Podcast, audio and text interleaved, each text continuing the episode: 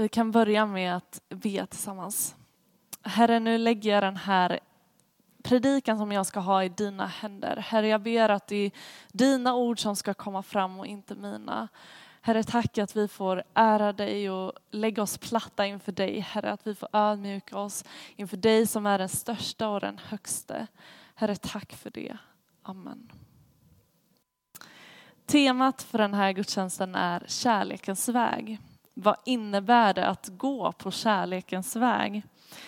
Vi fick se heliga Helge här klättra upp i ett högt träd där han kunde se ända till Mariannelund trots sin extrema höjdskräck.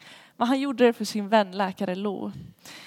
Och Jesus har visat oss det ultimata exemplet på kärlek när han gav sitt liv för våran skull. Kärlekens väg är Guds väg, är sanningens väg som vi behöver gå. Kärlekens väg är ingen asfalterad raksträcka, mer av en krokig grusväg.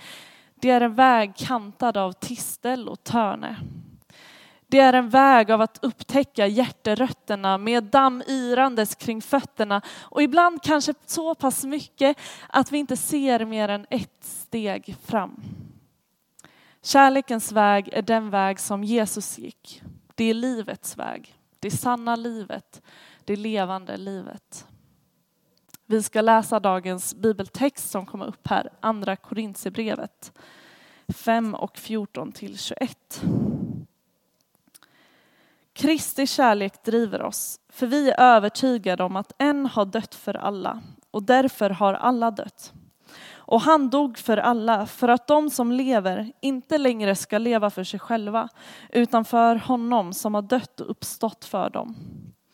Därför känner vi inte längre någon på ett ytligt sätt. Även om vi har känt Kristus på ett ytligt sätt känner vi honom inte så längre. Om någon är Kristus är han alltså en ny skapelse. Det gamla är förbi, något nytt har kommit. Och allt kommer från Gud som har försonat oss med sig själv genom Kristus och gett oss försoningens tjänst. Gud var i Kristus och försonade världen med sig själv. Han tillräknade inte människorna deras överträdelser och han har anförtrott oss försoningens ord. Vi är alltså sändebud för Kristus och Gud vädjar genom oss. Vi ber på Kristi uppdrag. Låt försona er med Gud. Han som inte visste av synd, honom gjorde Gud till synd i vårt ställe för att vi i honom skulle bli rättfärdiga inför Gud. Jesus stod för att vi inte längre ska leva för oss själva utan för honom som dog och uppstod för oss. Och Paulus som skriver det här brevet, han visste efter sitt omtumlande gudsmöte att han kan inte fortsätta leva som han gjorde. Han kan inte fortsätta förfölja kristna. Nej, han blev själv en av dem som han hatade. Någonting behövde dö i Paulus, precis som i oss alla. Alla som tror på Jesus och följer honom har dött bort från synden och tillhör nåden. Det gamla är förbi, något nytt har kommit läste vi. Ibland så kör vi fast. Vi lever på ett sätt som vi inte vill och vi försöker desperat hitta vägar ut ur vår livsstil. Vi vill förändra men vi vet inte hur och vi vill komma närmare Gud igen men vi vet inte om vi kan. Så hur ska vi göra för att kunna bryta oss fria? Jo, genom att erkänna, inse eller ta emot att Gud har tagit itu med oss genom Kristus Jesus. I Romarbrevet 6 och 3 som också kommer här så står det eller vet ni inte att alla vi som är döpta till Kristus är döpta till hans död? Men om Gud har tagit itu med oss i Kristus, då måste vi vara i honom för att det ska kunna funka. Och hur i hela världen kan vi det? Här kommer Gud återigen till vår hjälp. För vi kan faktiskt inte på något sätt själva komma in i Jesus. Men vi behöver inte försöka komma in, för vi är redan där. Vi är redan i Jesus. Gud har liksom placerat oss i Jesus. Vad vi inte kunde göra själva har Gud gjort för oss. Och jag vet att det här låter lite konstigt men jag ska försöka förklara. När Jesus hängde på korset så hängde vi också där. Inte individuellt, för vi var långt ifrån födda då. Men vi var där eftersom vi är i Jesus. Och när han korsfästes så korsfästes vi med honom. När han dog så dog också vi. Och när han uppstod så uppstod också vi. Vår synd spikades upp för att vi skulle befrias och uppstå till nya liv. Du har dött bort från synden och tillhör nåden. Det gamla är förbi, något nytt har kommit. Jesus dog för att vi inte längre ska leva för oss själva utan för honom som dog och uppstod för oss. Kärlekens väg är att avstå sin status och bli en tjänare. Att ödmjukt böja sig och tjäna sina medmänniskor och Gud. Att tjäna utan att sluta stå upp för det man är och det man tror på. Att ödmjuka sig men inte låta sig trampas på. Det är en balansgång och jag kan själv uppleva i mitt liv som uppväxt i frikyrkan att det har funnits en ganska stark norm att aldrig ryta ifrån, att hålla sig lugn, att säga ja, att ställa upp. Sätta andra före en själv till den grad att man tappar bort vem man är. Det är inte kärlekens väg.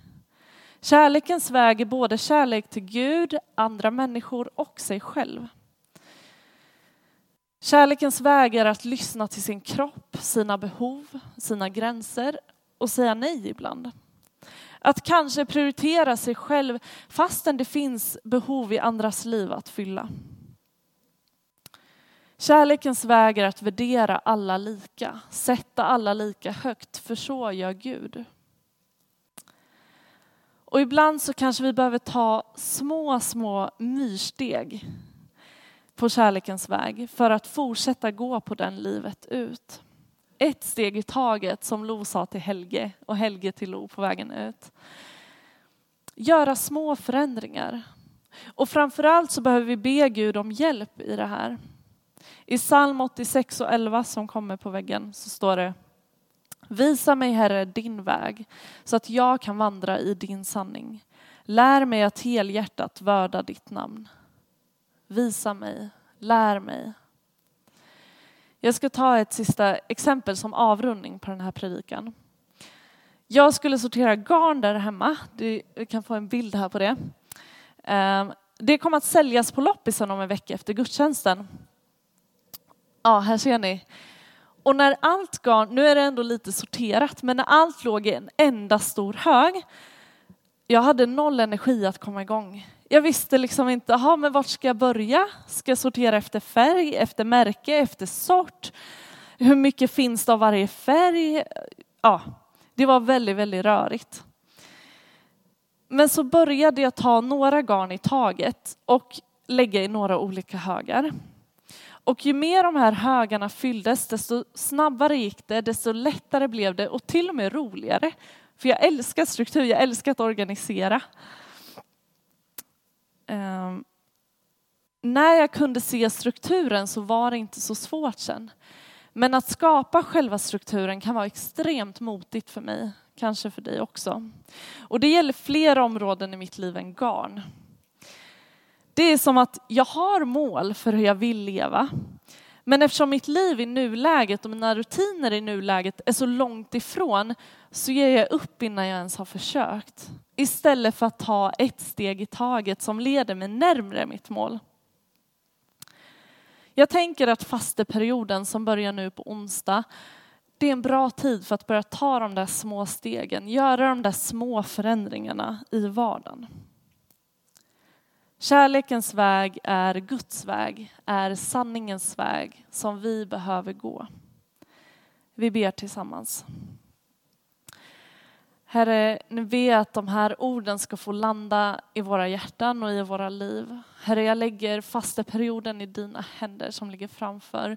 Hjälp oss var och en att att ta små steg, att göra små förändringar. Och jag ber om din vägledning. Peka på de områden där vi behöver förändras för att gå på kärlekens väg. Herre, tack att du älskar oss så oändligt mycket, var och en. I ditt namn. Amen.